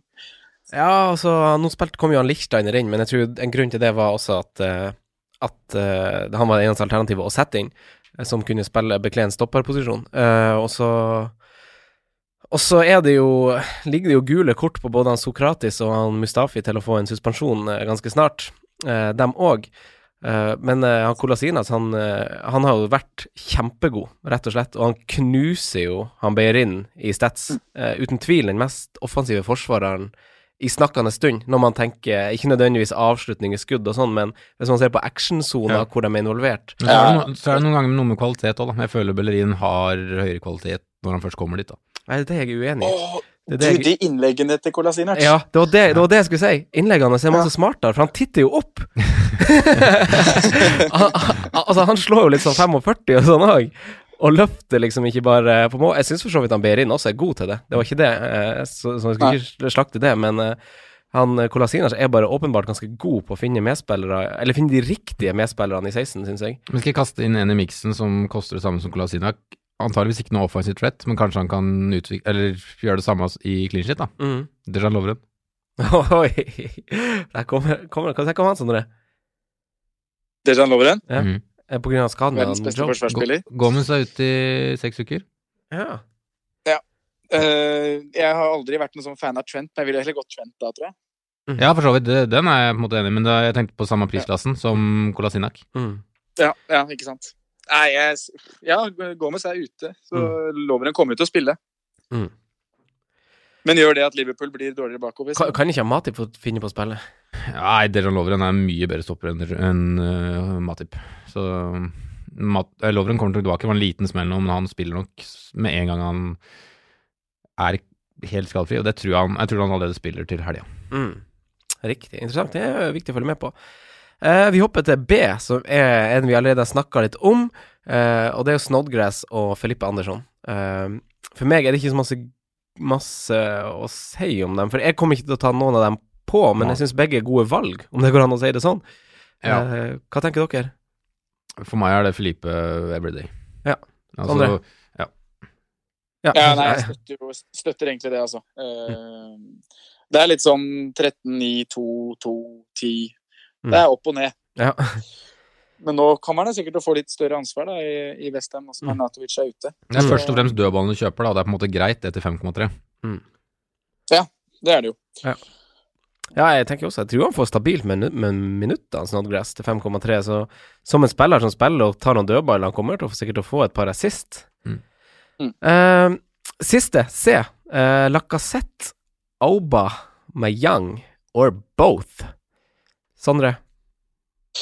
Ja, altså, du har snakka ganske mye om det allerede, men eh, du må gjerne gjenta deg sjøl og tilføye nye ting. Ja, nei, jeg kan gjenta meg selv litt på hvorfor jeg er skeptisk til Abomayang. Og Mm. det, er, det, det kommer litt av En er prisen i forhold til hva jeg skal bruke han til. Mm. Eh, Jeg kommer ikke til å kapteine han. Jeg kommer til å kapteine han mot Huddersfield, men etter det så, så er jeg andre alternativer som er bedre i laget. Ja. Eh, Så er det også noe med usikkerheten rundt, rundt posisjonen hans. Mm. Eh, nå har jeg ikke sett på det, så jeg skal ikke være bastant og si at han, at han kommer til å skåre mer så, mål som spiss enn som kant, men jeg tror han er en bedre spiller når han spiller helt opp front. Mm. Og med Lacassette på banen så har vi jo sett at han har blitt dytta ut til venstre. Mm. Eh, og så føler jeg litt, hvis du skal velge Lacassette eller Auba, for jeg, jeg kikka på det her da om jeg heller skulle gått um, Jeg kunne få inn Lacassette til en billigere penge og ha en bedre midtbanespiller. Mm. Uh, men da, jeg føler jo litt at jeg Jeg, jeg syns det er spennende, men samtidig så føler jeg at jeg kjøper litt sånn fattigmannsversjon, da. Ja. Eh, jeg syns jo Lacassette er, er kjempebra. Jeg tror han kommer til å jeg tror ikke han kommer til å matche Aubameyang på mål, men jeg tror han kommer til å være, være i nærheten. Mm. men likevel så, så blir det, det blir litt det samme argumentet, det her med både spilletid og, og kaptein. Da. Han er, koster vel over tid, 10 millioner. Han koster 11,2 akkurat nå. Han har jo steget i 0,3 allerede, vel. Mm. Siden forrige helg. Ja, men med Lacassette, Lacassette er vel over 10 han òg? Nei, 9-6. 9,6. 9-6, ja. ja okay. Ja, han Aubameyang er jo fortsatt dødelig effektiv. Eh, ikke, så, ikke så effektiv som han var mot, da Lacassette hadde den streaken med kamper hvor han starta hele tida. Eh, da, da var jo Aubameyang Da skårte han jo på sånn syv av syv skudd, eller noe sånt, så det var jo helt sånn urealistisk at det kom til å fortsette. Eh, og han har fortsatt vært veldig effektiv. Han har fortsatt et veldig høyt målsnitt. Det er jo eh, åtte spillere som skyter Han er tross alt oppskårer. som har skutt, skutt mer enn ja. Men han, det er jo akkurat det. Han har veldig høyt målsnitt, og han har en Altså, han kan være kjempeanonym i kamper. Mm. Og du så det jo nå mot United òg. Han ble greit tatt ut i den kampen, men han Altså sånn På ett punkt der så er han plutselig helt alene i boksen og burde skåre. Ja, og Så- hvis, jeg, hvis jeg får det dilemmaet der, så sier jeg Aubameyang everyday, for at jeg føler at han er den eneste i, i, som egentlig kan konkurrere med Kane om toppskårertittelen i år. Ja, du tror det? Ja, rett og Mm. slett. Ja, men jeg er, litt, jeg, jeg er spent på også på posisjonen hans nå når han Lacassette kanskje skal begynne å drilles litt inn i elveren igjen, da. Om han blir skjøvet ut på kanten, og om verdien fortsatt ligger der. For jeg veier Hvis man tar det i betraktning, at han skal spille kant, og han koster så masse, og Lacassette koster 9,6, så veier de plutselig nesten litt 50-50, egentlig. Ja. Mm. Som en sånn totalløsning. Men eh, Ja, for han er jo Altså, han er jo han Aubameyang, Altså, kampene som kommer nå, føler jeg jo er litt sånn Aubameyang. For hvis du ser på kampene han har skåret i, i høst, så har det ikke vært sånn kontringstype mål. Han er jo en ræv rev i hønsehuset inne i 16-meteren. Uh, altså, det er mot lag som er ganske kompakt han har skåret mål. Det er ikke forsvaret han har sprunget fra og sittet alene med keeper. Jeg, Han jeg, jeg dukker føler liksom bare liksom at Aubameyang kontra versus, eller versus Lacassette blir litt det samme som Stirling versus David Silva. da. Ja. Altså det blir Du får igjen for de penga. Jeg, jeg, er litt, jeg sitter og ser på det samme her nå, Franco. Hvilke lag Aubameyang har skåra mål mot. Mm. Uh, Så ser jeg liksom han har Hjemme mot Westham har han en blank. Han Mm. har en blank hjemme mot Watford. Han Mm. har en blank hjemme mot Wolverhampton. Mm, Eh, mm. Han har én involvering hjemme mot Everton. Det er lag, eh, kamper som hvis du sammenligner han med f.eks. Aguero, Mm. som har samme pris. Mm. Her skårer Aguero minst ett mål Ja. eh, og har flere involveringer. Det gjør meg usikker på å gå Abomayang. Det syns jeg var et veldig godt poeng, egentlig. Den, for det er jo Takk- takk for det. For vi har jo ikke gjennom hele høsten blitt helt klok på Det har vært et sånt Twitter-hysteri, som sagt, etter helga med Aubameyang når han skårte på en straff og ei helt sjuk avslutning. Så blir det jo litt sånn Mm. typisk Twitter eh, Nå må han på, eh, ikke sant? Og, Mm. og Jeg hadde tatt på, hadde ikke vært for at Kane hadde Southampton hjemme. Ja. Ja ja, det Ja, der er jeg enig med, det er jeg enig med deg, Mm. Simen. Jeg tror jeg hadde gjort det selv. Ja. Men det hadde blitt hysteri til det. Ja, men hvis man har eh, råd til en direkte swap fra Arnautovic, hvis man har, skulle være så heldig å ha penger i banken, går man da heller Lacassette Aubameyang over en billig spiss? Ja. Ja, for det er jeg enig i, på en måte. Den sjansen er verdt å ta med de kampene. Jeg vil ikke ha. Lacassette, helt ærlig. Det vil egentlig jeg. Uh, Jeg, vet- jeg, nei, jeg vil ha, jeg vil ha begge. Altså, sånn, jeg syns ingen er dårlig alternativ. Tre millioner i banken til å gjøre Natovic Lacassette, det tenker jeg er helt, helt riktig å gjøre hvis du har det. Jeg vil heller ha Mitrovic enn Lacassette. Men uansett, hvis man har, hvis man har en veldig sterk, sterk magefølelse på Arsenal framover, så er jo tida riktig eh, å Ja da, satse ja dit, da, for de har så fine kamper, Mm. og eh, formen er jo åpenbart fin, tenker jeg. Så da, da, da hvis du magefølelsen er det, så bare gønn. eh, Christian Leiknes Nag, Simen, Ja. spurte oss på. Facebook. Veldig hyggelig at han liker oss på Facebook. Så fin fyr er han nemlig. Eh, han spurte oss om billigspisser, det håper vi har snakka noe om, Kristian.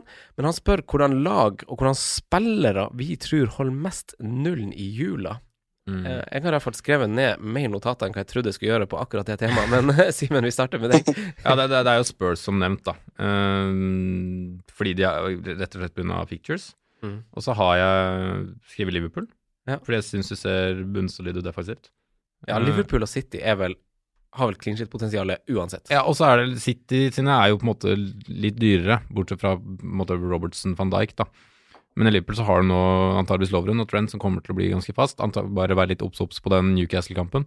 Men van Dijk spiller nok alt, det tror jeg. Jeg tror ikke han kommer til å få hvile. Fordi det, det er også mindre belastning å spille stopper enn det er å spille back-kant etc., etc. Um, så det er liksom de to. Og så er det jo selvsagt Westham som har notert, men jeg er fortsatt usikker på om de kommer til å gjøre det. Men jeg, de har jo et veldig fint program, da. Mm. Så um, ja, jeg vet ikke hvem andre lag jeg tør å gamble på, jeg. Det er liksom de. Tvi, tviholder jeg på Jedlin, ja. Ja. Nei, jeg er helt enig med deg, bare, selv om du bare sier Westham i en sånn bisetning, så er jeg jo enig i at de titter man jo til billigforsvarere. Ja. For de er jo veldig gunstig priser. pris. så har du en sånn fin uh, Hva skal jeg si um, Newcastle fram til julaften, da, med de tre neste kampene, med Wolverhampton, Huddersfield, Fullham. Mm, Wolverhampton og Fullham hjemme, Huddersfield borte. mm. Ser for meg at de i hvert fall tar ut én, kanskje to clean shit der. Hva tenker du, Sondre? Nei, eh, som Simen nevner her, eh, Liverpool og City og sånn, åpenbare. Mm. Eh, Så sitter jeg og kikker litt på defensive stats de siste fire gameweeks. Ja. Um, og ser litt på kommende kampprogram. Et lag som, eh, hvis jeg tenker en spiller som jeg selv har på benken, da, Bisakka. mm. du har de fem lagene som har sluppet til minst skudd i boks. Det er Liverpool, Chelsea, Arsenal, City og United. Mm. Etter det så kommer Crystal Palace. Ja. Eh, Jeg ser ikke bort ifra at de kan dra med seg tre clean sheets eh, gjennom jula. De har Leicester hjemme, de har Cardiff hjemme, og de har, eh, de har Chelsea hjemme 30.12. Tøff kamp, og møter Watford hjemme rett over jula. Så jeg er komfortabel med å ha, ha en Crystal Palace-forsvarer i troppen min og, og spille han i enkelte av de kampene her. Um, så har du De er også veldig langt ned på big chances conceded. De har bare fem de siste fire gameweeks. Mm. Uh, og der er det bare Watford og Nei, Watford, sier jeg. Wolverhampton og Leicester som er, uh, som er bedre. Mm. Med fire big chances conceded uh, de siste fire gameweek. Ja. Så jeg tror også eh, også at eh, Wolverhampton kan eh, kan være fine og bare fortsette å stå med de her kampene mot Newcastle, Bournemouth og Fulham og Crystal Palace. Mm. Ja, Doherty skuffer jeg aldri, så det er egentlig bare han. Ja, ja. Ingen clean sheets denne runden. Han har assist. Ingen clean sheets på noen lag. Nei, det er ikke sant. Doherty dukker opp. Ja. Men Newcastle, som du nevner, da, med Edlin, Simen, de er laget som har mest big chances conceded de siste fire gameweeks. Ja, ja. 14. Ja, ja, ja. vel ikke- Bare vent, bare vent. Eh, Bare vent, det kommer. jeg, har jo en, jeg har jo en liten brannfakkel å kaste inn i lista. Uh, det, det er jo han Callum Chambers. Uh, han har jo høsta lovord hos uh, The Tinkerman, som naturligvis skal prioritere å stramme opp det trekkspillet bak der. Mm. Og Chambers han spiller jo riktignok på midten, og tradisjonelt så tenker man jo at en defensiv midtbane er mindre målfarlig enn stoppere, men han har rett og slett vært nær skåring ved flere anledninger, med foten. Eh, sju avslutninger siste to rundene, det er tredje, tredje mest, eh, hvis vi inkluderer alle posisjoner. Mest av alle forsvarere, er det så klart. Eh, delt på tredjeplass eh, på touch i boks, mens Fullheim har gått fra å være det definitivt dårligste laget defensivt statistikksett til å være midt på tre, og de har etter kampen nå, så har de fine, fire ganske fine kamper, hvorav tre er hjemme mot Wolverhampton, Huddersfield og Westham. Og så har de Newcastle borte. Han koster 4,2. Og det er jo kjempebillig. hva, hva tenker dere om han? Jo, det kan være noe med å plukke noe sånt, da, istedenfor kanskje liksom det å skulle kaste inn på noe Fambisaka eller Jedlin eller Sabaleta eller et eller annet, og liksom gamble litt på et lag. I hvert fall hvis du klarer liksom rullere det fint med når de har hjemmekamper, for Raneri kommer til å klare å stramme opp det en del. Han så jo bedre ut mot Liverpool allerede, syns jeg, Ja. ja. Synes jeg Fulham. Mm. Dem, Mm. dem, altså, Fulham var jo veldig forandra til de grader liksom bakover mot Liverpool. Så mm, ja, det, jeg, jeg støtter det. Mm. Ja, jeg syns også det er litt spennende. Uh, ja, da er vi enige med Wolverhampton, Westham, Pelle, så har vi en joker i han der. Alonso, da. Eh, jeg vil jo ha han ettersom jeg kjøpte han for 6,5, men han, jeg føler at han lever farlig hos Sarri, som tydelig var frustrert over laget sine prestasjoner, både i går og kanskje i det siste.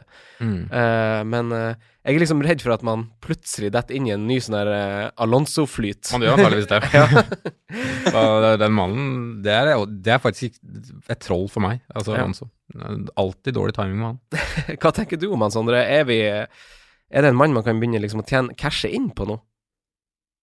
Jeg så jo kampen mot eh, Jeg husker ikke hvem de hadde i farta, men i, helgen nå, og jeg syns han var fryktelig svak. Det var, Han masse, kommer til masse gode innleggssituasjoner som alltid, men han, han slenger i over til eh, innkast på motsatt side, Ja. og det er bare rør. Ja. Og i tillegg her med de utdannelsene med litt sånn ryggproblemer eller et eller annet ja, Jeg husker ikke helt hva det var, men litt sånn småproblemer og litt sånn lunken trener der, så begynner jeg å bli litt uh, utålmodig, jeg også. Og Mm. jeg har sett på å gjøre Alonso til Kolasinac. Ja. Uh, det har jeg. Mm. Uh, og cash, cashe inn litt penger der. Men samtidig så er jeg jo livredd for at man vet jo det at på et eller annet tidspunkt så må han jo inn igjen. Mm. Ja, det, Det er det er komme. det. Er noe med det. Og bare sånn, Kampprogrammet til Chelsea er De har uh, møter City nå, men så er det Brighton, Leicester, Watford, Palace, Southampton, Newcastle eh, i julestria. Og det er jo mange, mange sekspoengere, da. det er bare korte bussturer for. Chelsea Bare korte bussturer for Chelsea i jula, faktisk. De har jo Ja, det er eh, Watford er jo lengst unna, og det er jo bare ute i distriktet der. Ja. Jeg har kjørt mye nattbuss, eh, mye nattbuss i Sør-Amerika, og det er ikke å anbefale. Så jeg, I hvert fall ikke med diaré. Nei, med diaré er det helt jævlig. Så, jeg, så bare ta det der, fordi på, på, på bussen der da, så er det skilt på dodøra. No poop, only pee. Hva, da, da sitter du der da, med brun, brun opp i trynet, ikke sant. Så bare å, ikke å anbefale i det hele tatt. Åh, det, så, det høres så stress ut. Uh, jeg, jeg, jeg har laga ei lita sånn toppliste for forsvarere offensivt, hvor jeg har, hvor jeg har putta det i litt sånn sjangere. Eh, så får dere eh, utdype deres mening. Store sjanser skapt-liste. Kolasinac, Digne eh, har skapt tre store sjanser som er mest over de siste fire.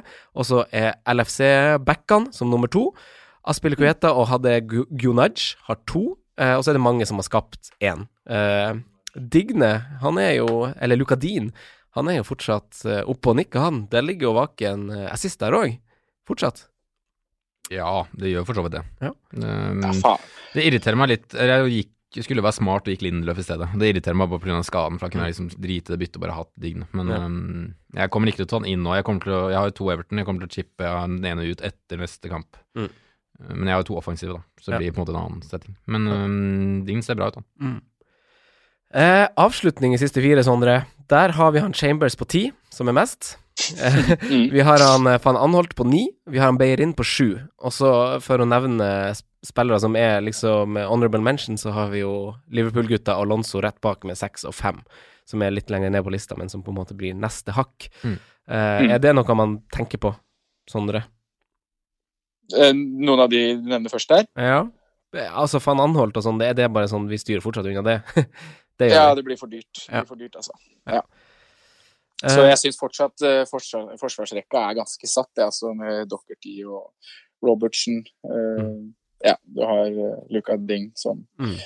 burde hatt mer poeng de siste gameweeksene enn han har fått. Det er jo bare å slippe inn mål hjemme mot Newcastle og Pickford på, på flyvetur. Det er jo bare helt håpløst.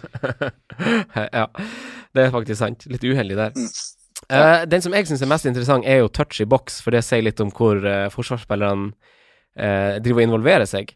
Eh, Ikke sant? Kolasinac har 27 touch i boks siste fire rundene, som er solid mest. Beirin nummer to med 18. Eh, det er ni mer. Eh, Det er en Ro Robertsen imellom de. For en Robertsen har ni berøring i 16. Så en kamp mindre. En kamp mindre. Ja. Eh, og så har vi Morrison, vi har van Anholt igjen, og vi har selvfølgelig vår mann Dockerty. Mm. Så det sier vel kanskje litt, eller sier kanskje mest om eh, Arsenal-forsvarerne, eller de backene. Kolasinac og Beyerin. Hvor, uh, hvor nærliggende ja. er målpoeng der. Kolasinac har mer touch i boks siste fire enn hva Salah har. Da. Det jo, nå har jo Salah en kamp mindre, selvfølgelig. Men uh, han har jo mer touch i boks enn de fleste spillere. Det er bare Stirling og Sané foran. Ja. Så det er helt vanvittig. Så, Mm. Det er helt sikkert. fristende. Det er helt sikkert. Eh, I dag så blir det jo bare én episode, så vi må gå kjapt igjennom eh, runden som kommer, før vi tar våre spalte. Eh, til lunsjkaken denne gangen har vi Bournemouth-Liverpool. Eh, Bournemouth eh, relativt eh, heimesterk, Simen, og viser god figur mot spesielt Manchester City. Mm. Eh, er det et potensielt bananskall for, eh, for eh, Klopp og co.? Ja, absolutt. Eh, Jeg er fortsatt litt usikker på hvordan han skal sjonglere troppen sin nå. For det er eh, tre kamper på hva blir det da? Åtte-ni dager. Viktig Champions League-kamp òg. En Champions League-kamp imellom, og da er United igjen til helga etter. Så jeg er litt usikker på hvor mye han tør. Eh, Men jeg tror det var derfor han sjonglerte såpass med Burnley, at nå skal det liksom tre tøffe kamper, skal troppen få kjøre seg gjennom, da. Men han har litt muligheter til å sjonglere på midten. Ja. Så vi får se, men jeg tipper de faste er tilbake fra start. Firmino, Lunch, Salah. Eh, Mané er nok usikker, sammen med Robertson, men, og Gomez er ute. Men ellers så tror jeg det blir toppa. Ja. Så vi får se. Jeg tror det blir en kamp som Jeg er litt usikker på hvor tøft Bournemouth kommer til å gå. Mm. Men jeg tror de har muligheter hvis de tør å spille eget spill. Ja. Sander, hva tenker du? Er det kapteinsalternativ her? Ja, det syns jeg absolutt. Mm. Eh, jeg var litt innpå det i stad og snakket litt om Bournemouth sine defensive stats de siste, siste rundene. Mm. Eh, da har de møtt gode lag, eh, men Liverpool er jo også et godt lag. Mhm. De har, de har nest flest big chances conceded. De har nest flest sjanser sluppet til i boks. Eh, jeg syns det er en kjempe, kjempespennende kamp å, å følge offensivt begge hver, da, egentlig. Men Mm. Sala er et, eh, et eh, kjempehett kapteinsemne denne runden. Eh, Arsenal Huddersfield Huddersfield har jo faktisk sett sterkere og sterkere ut. Og om det er noen lag jeg føler jeg skal si har fått litt dårlig betalt, så er det kanskje dem. Eh, Monier må sone for sitt fe- feilidømte røde kort. Hipsteren der, da. Ja. men spissene på motsatt side er jo i flyten om dagen, Sondre, og vi har snakka masse om dem. Men kan de kapteines, eh, og må de eventuelt på til kampen mot Huddersfield?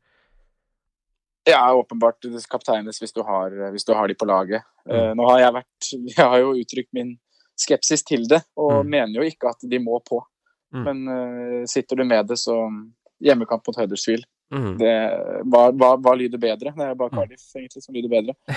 Ja. Eh, Men vi må, kan nevne at Huddersfield ser bedre ut da, Mm. enn hva de har gjort. Mm. Ikke at jeg har sett kamper, men det er jo på highlights og underliggende tall. Så Men samtidig så er det jo her på en måte den åpenbare, kanskje største seieren eh, størst sannsynlighet kommer, da. Mm. Syns jeg, da. altså. Med tanke på hvordan Arsenal kjører om dagen, da. Jeg vet ikke om jeg er veldig negativ, da, som bare tror Arsenal vinner 1 eller 2-0. Jo, det kan fort hende, men jeg, potensielt da, så Ja. jeg liksom Eller ja, jeg tror det er størst sjanse for at det er her vi får tre og fire mål til et lag. Da. du er vel veldig vant til det, Franco? At det blir 1-2-0? Ja, jeg er kanskje det, altså. Nei, ei, ei. Nei, jeg, jeg styrer jo som sagt unna de spissene, men eh, det er bare fordi det er litt sånn usikkerhet her. Eh, Burnley-Brighton. Ikke så mange sjanser imot nødvendigvis Burnley, men dæven, de tar imot masse skudd. og Brighton, Brighton på sin side kommer til femte minst skudd og avslutning i boks, så det er målfattig og lite å snakke om kanskje den kampen her. Uh, men uh, målet til Andoné, da? Selv ei kråke slår et svalestup iblant. Ja, det var- ja, det var klasse, ass. Det var, det var gøy at de liksom står imot såpass med ti mann. Det- 5,0 og god på FM. Er han en, er, er han en billig spiss å kaste på? Nei, han er nok ikke det. Eller jeg har sett den altfor lite. Men eh, det er nok eh, Murray som styrer showet der så lenge han er klar. Eh, Cardiff Southampton skal vi ikke snakke så mye om, men jeg har bare litt info. Eh, han godeste favorittreneren din, Simen, har uttrykt at han Camarasa tar neste straffe. Mm. Eh, den nye treneren i Southampton heter Ralf Hassenhyttel. Arbeidsledig siden han ikke ble enig om ny kontrakt med Leipzig i mai. Får skryt for arbeidet sitt i Ingolstadt, eh, som nå ligger jumboplass i andre Bundesliga.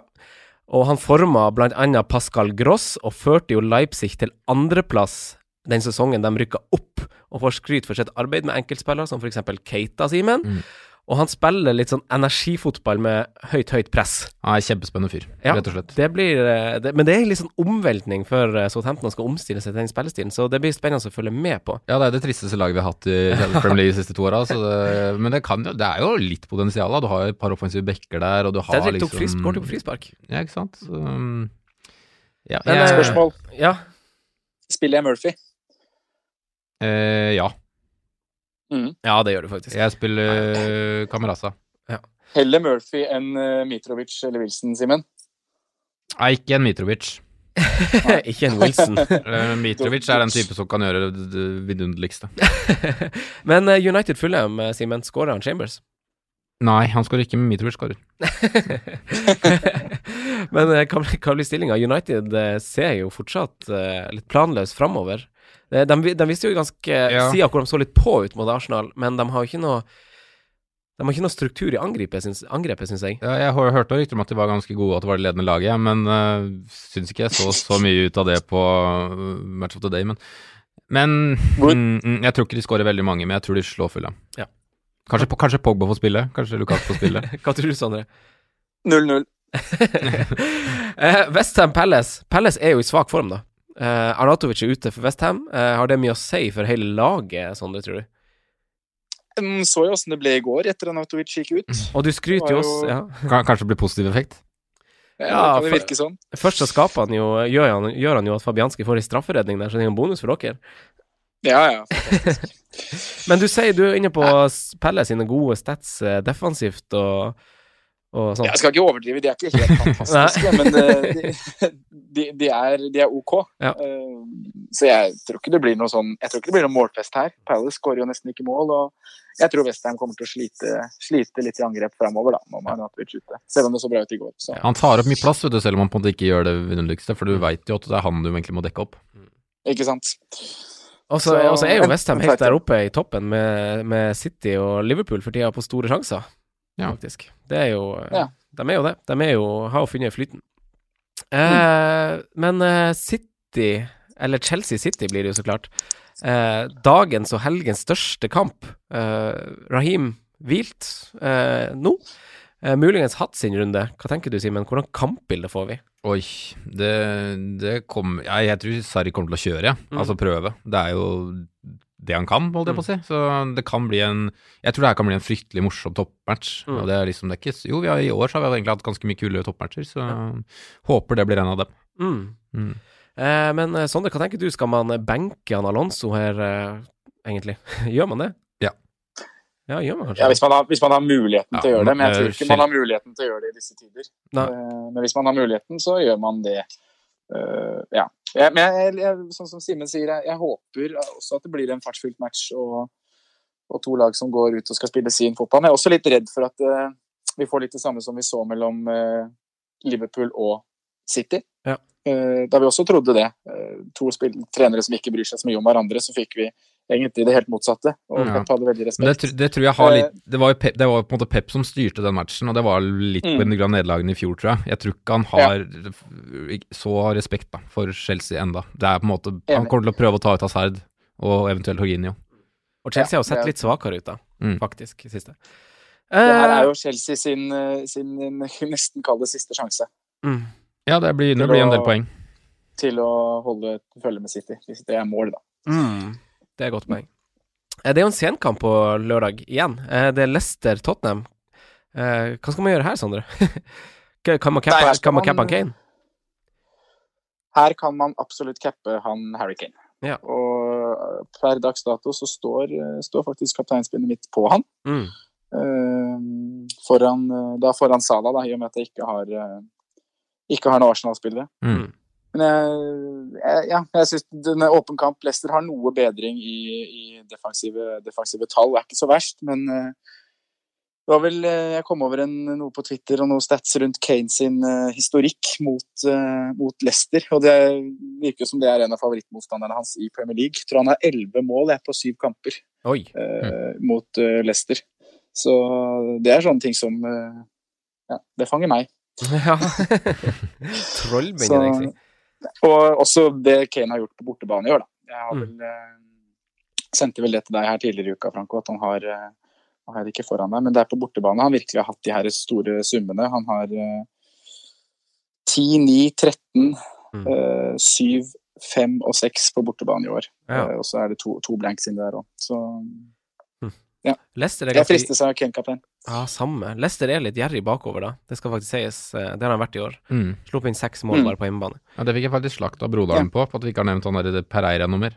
Ja, han var litt snakk Ja. om i starten. Men nå, så, så, så, så, så jeg på Fictures, da. Det er jo blodrødt uh, fram til 29. desember, i hvert fall. På søndag har vi kun én kamp. Det er jo eh, Newcastle-Wolverhampton. Populære litt av en match, da. Po ja, litt av en match. Populære billiglag som per i dag leverer litt under pari, kanskje, bortsett fra Dockerty og Jimenez. Uh, men er det noe man kan scoute litt på her, Simen? Ja, du må scoute på Rondon, da. Han skyter. Ja, jeg skal ikke ha Rondon. Nei, man kan jo scoute litt på hvordan Wolverhampton faktisk ser ut, da. Mm. Ja, det er lenge siden jeg har sett de to lagene sånn live nå, så det, jeg gleder meg. Eh, mandag, en del spillere i aksjon her også, og, og i grunnen en ganske kul mandagskamp. Mm. Everton-Watford. Begge lag, be- begge lag eh, er jo kule. Hva Mm. forventer vi i denne kampen, Sondre? Nei, det er som du sier, det er en kul kamp. og jeg forventer jo, Det er jo spesielt oppgjør for flere her. Mm. Eh, Everton sin trener, Richardison. Mm. Um, så jeg, jeg tror Everton eh, vinner kampen, og jeg forventer at de Det blir åpent, altså. Mm. jeg tror det blir åpent, men jeg, jeg, tror- jeg tror også de strekker lengste strået. Ja. Nå var det vel litt rullering i Everton nå i midtuka, var det ikke det? Jo, det var litt rullering med Tosunin Tosun inn og Luckman Luckman inn. eller? Mm. Keen på benken. Ja. ja. Men Richarlison spiller jo, så det Ja, Everton må slå litt tilbake etter eh, banale tap i, i Merseyside Derby og 1-1 mot Newcastle. De må Mm. rett og slett slå tilbake. Mm. For de har, har sett gode ut. Det bør de gjøre. Men jeg har vel peila meg meg inn på at det her er eh, Nå leverer jo Richarlison mål, så Mm. det er jo ikke det at man må bytte den ut. Men etter, etter Watford nå så kommer eh, City og Spurs i de to neste. Mm. Så at det kan være en mulig Richarlison ut eh, inn med en Sané f.eks., det Og så er det to bortekamper etter det, mot Mm. Burnley og Brighton. som Men, ikke- men kan, jeg, kan Gylfi eller Richarlison capse den her? Om de Ikke kan cappes? Ikke, ikke med tanke på alternativene man har, tror jeg. Nei, ikke med kamp, tanke med på alternativene. jeg jeg syns jo det var helt uh, det Siste kampen i runden, er ikke det man eh, gleder seg til, da? Ja, det er sant. Men det var den her Richarlison-cap for noen uker siden, var det ikke det? Hjemme mot Cardiff. Jo, stemmer det. Det så jo Gikk ikke så bra. si så, så som det gikk, men han er jo han er en litt sånn spiller. Du vet ikke helt når det kommer. Mm. Ja. Så Bare så du veit det, Sondre, så kan det- du bryter snart, for, Sondre, nei, for Frank har bare 6% på denne telefonen sin. ja, Bare sånn at du vet selvfølgelig. Han har aldri, aldri fullada, han. Altså, vi, vi, vi prøver så lenge det går. Ja, vi gjør det. uh, spalte. Det er jo ladere i det studio, det vet jeg jo. Ja, men du er, Ja, du er plugga i en sånn der uh, Du er plugga i. Jeg er plugga i ja, du er plugga i. Eh, på perrongen eh, Nei, Simen, først har vi, først har vi hipsteren din. Hvem Ja. var og hvem er? Var var Mon- Monier han fikk rødt? Ja, Så det, det, det, to runder det, siden. det er timing. Å nei, å nei. To treff, og da måtte gamble litt, og så får han rødt, vet du. PR likevel. Men jeg har valgt en som Han hadde vel 30 minutter sist. Jeg lurer på om han hadde ett touch jeg, på banen. På ballen. Eh, men han kommer til å spille igjen nå, tror jeg. Romelu Lukaku. Mm. Dæven. ja, ja, Hadde han ja. ett touch? Jeg har hørt noen rykter om det, men det kan hende jeg har lest feil, om det kanskje var ett skudd, da. Men eh, Ai, ai, ai. Eller pasning, eller hva det var for noe. Men det var et eller annet sånn, en tweet på det. Mm. Et av noe. Et av noe. Eh, på perrongen, spillere som leverte noe i midtukerunden her, om de er spillere verdt å hoppe på. Eh, Ja. Førstemann, Snodgrass 5,3, Simen. Nei. Sondre? Nei. Jeg sier jo ja Nei, jeg sier, jeg sier kanskje Jeg sier nei for min del, men jeg sier eh, ja for dem som søker på noe litt merkelig. Eh, De som skal ta deg igjen. Ja. Sånn, 8,4. Ja. Sondre? Ja, ja, her òg. Lukas, 6,2. Spiss i Vestheim. Nei. Sondre? Uh, nei, Nei. det blir forsøkt. Ja. Eh, Kamara, 4,3. Eh, fra start og scoring nå i Fullhem. Åh. Ja, hvis du skal få på en eller annen band bandwagon på midten. Altså i en sånn dobbel Ja. ja. Du skjønte hva jeg mente. Ja. Sondre? Jeg er enig hvis det klarer å få deg liksom til å stable Sané, Stirling, Sala, hele bøtteballetten der, så helt Mm. greit. Mm. Uh, jeg sier nei. uh, man trenger spillere som man vet spiller i jula. Uh, kaptein har vi ikke tid å diskutere så mye nå, faktisk. Men vi har Sala, vi har Kane, vi har Arsenal-spisser, vi har Simen kasta Everton inn i balletten her. Sondre, hvor, hvor titter du, og hvorfor? Nei, jeg, har, jeg har jo nevnt det et par ganger nå at jeg, jeg, jeg ser jo til eh, både Salah mot Bournemouth og Kane mot Leicester. Og da i mangel av Aubameyang, da, som kanskje er det, det de fleste vil gå til av de som har den, og sikkert mange som vil ta minuspoeng for å få det på. Mm. Eh, men jeg tenker at det er ikke riktig å gjøre. Eh, så jeg, akkurat nå så står det på Harry Kane. Mm. Tror ikke jeg, jeg vet ikke om jeg kommer til å gjøre det. det er, jeg kommer jo alltid til å se på de pollene og se på hvilke Abomayang kommer til å vinne de, og så ser vi hvem som blir nummer to. Og det er trygt å dekke den som blir cappa mest Mm. når man ligger høyt oppe. Ja. Eh, Men samtidig så tror jeg Kane kommer til å være kan være en litt sånn eh, diff-kaptein denne runden her, og Ja. kan, kan gjøre seg kanskje Han er jo ikke eid av så fryktelig mange, vet du, pga. kanskje litt av den Aubaha-hypen. Mm. Nei, Men det er 25 Eh, Men de tre, i hvert fall. da. Ja, hva tenker du, Simen? Jeg tenker at Aubameyang er klink den beste kapteinen, men jeg har den ikke sjøl, så er, jeg kommer til å gå Kane eller Salah, men jeg tror jeg går Kane, ja. Jeg er, litt på Sala. Mm. Uh, og Sondre, du har egentlig begrunna det fint gjennom podkasten, og du òg, Simen. Vi har egentlig snakka han litt opp i forhold til et oppgjør her, både med tanke på hvor, hvordan Bournemouth står, hvordan de kommer til å angripe kampen. Eh, og jeg syns han hadde ganske bra innhopp på oss, han Ja, han Sala, var faktisk. Var han ikke det? Og Liverpool hadde nest høyest expected goals nå, og høyest forrige runde, så det kan jo være tegn på at offensiven begynner å nærme seg ja. formen. Da. Ikke bestemt Er man vekk, men det blir han eller ikke. Simen? Jeg er tvilsom, tror jeg, men jeg har ikke fått oppdatert meg så mye på, på greia. Men jeg lurer på om han mister denne òg. Følg med Ja, på pressekonferanse. Okay. Ja. Eh, Sondre, du får kose deg Ja. når du ha etter hvert billigforsvarer. skal Ja, billigforsvarer. Ja. Hvem er din, Billigforsvarer, Simen? Jeg har skrevet Ben Me i Burnley. jeg. Ja. ja, greit. På tide han Søtt. leverer. Sondre, hvem var du? Eh, Lukas Dign. Ah, da har, jeg har han Balbuena i Vestheim. Mm. Ja. Spennende. Eh, Sondre, du må kose deg når du etter hvert skal til heimlandet mitt og kjøre tuk-tuk og surfebrett. Ja, det er ikke så lenge til det. Nå skal jeg ha to uker i India først. Reise på lørdag. To uker i India? Å, fy flate, du er gal. det blir skummelt. Ja, da. Nei da, det går så fint, så. Skal reise rundt i Nord-India og spise tikka masala og chicken tandoori, så det her blir knallbra, det. ja, ja, ja. Og så blir det Sri Lanka etter det. Ja. Ja. Men takk, takk skal du ha. Og det var veldig, veldig hyggelig å få prate fancy med dere igjen. Ja, det var godt, å veldig- å høre stemmen din. Fryktelig godt var det. Jo. Takk det samme, dere. Eh, så Simen, tusen takk for at du også Takk for at jeg ble invitert. kom. Ja, I nye, nyfine studier til moderne media. Ja, det er fint her. Flott. Si- Sondre, burde glede deg til å komme tilbake. Ja, det kribler i magen allerede. Ja. eh, lykke til med runden, boys. Og lyttere. Kjære lyttere, takk for at dere lytter på. Lytte til runden, dere òg. Jo, lykke til, ja. Mm. Adios. Adios. Takk. Ha det bra. Ha det. Takk for at du hørte på vår podkast. Vi setter stor pris på om du følger oss på Twitter, Instagram og Facebook. Vi er fans i rådet på alle mulige plattformer.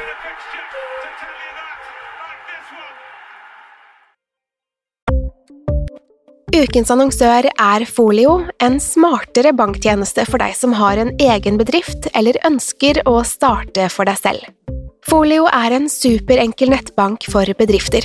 Som kunde i Folio får du en bedriftskonto med et bedriftskort og app. I denne appen er det smarte løsninger som forenkler regnskapet ditt, uansett om du har en liten bedrift eller et enkeltpersonsforetak. Folio er både intuitivt og brukervennlig, og er laget med et enkelt språk. I tillegg tilbyr de forutsigbare priser og ingen skjulte gebyrer. Skulle du likevel trenge det, så kan du snakke med deres raske og hyggelige kundeservice, og der får du prate med en faktisk person og ikke en chatbot. Folio er med andre ord både enklere og koseligere enn banken. Over 10 000 bedrifter har allerede valgt Folio som sin banktjeneste, så besøk folio.no og se hvordan Folio kan forenkle din hverdag også.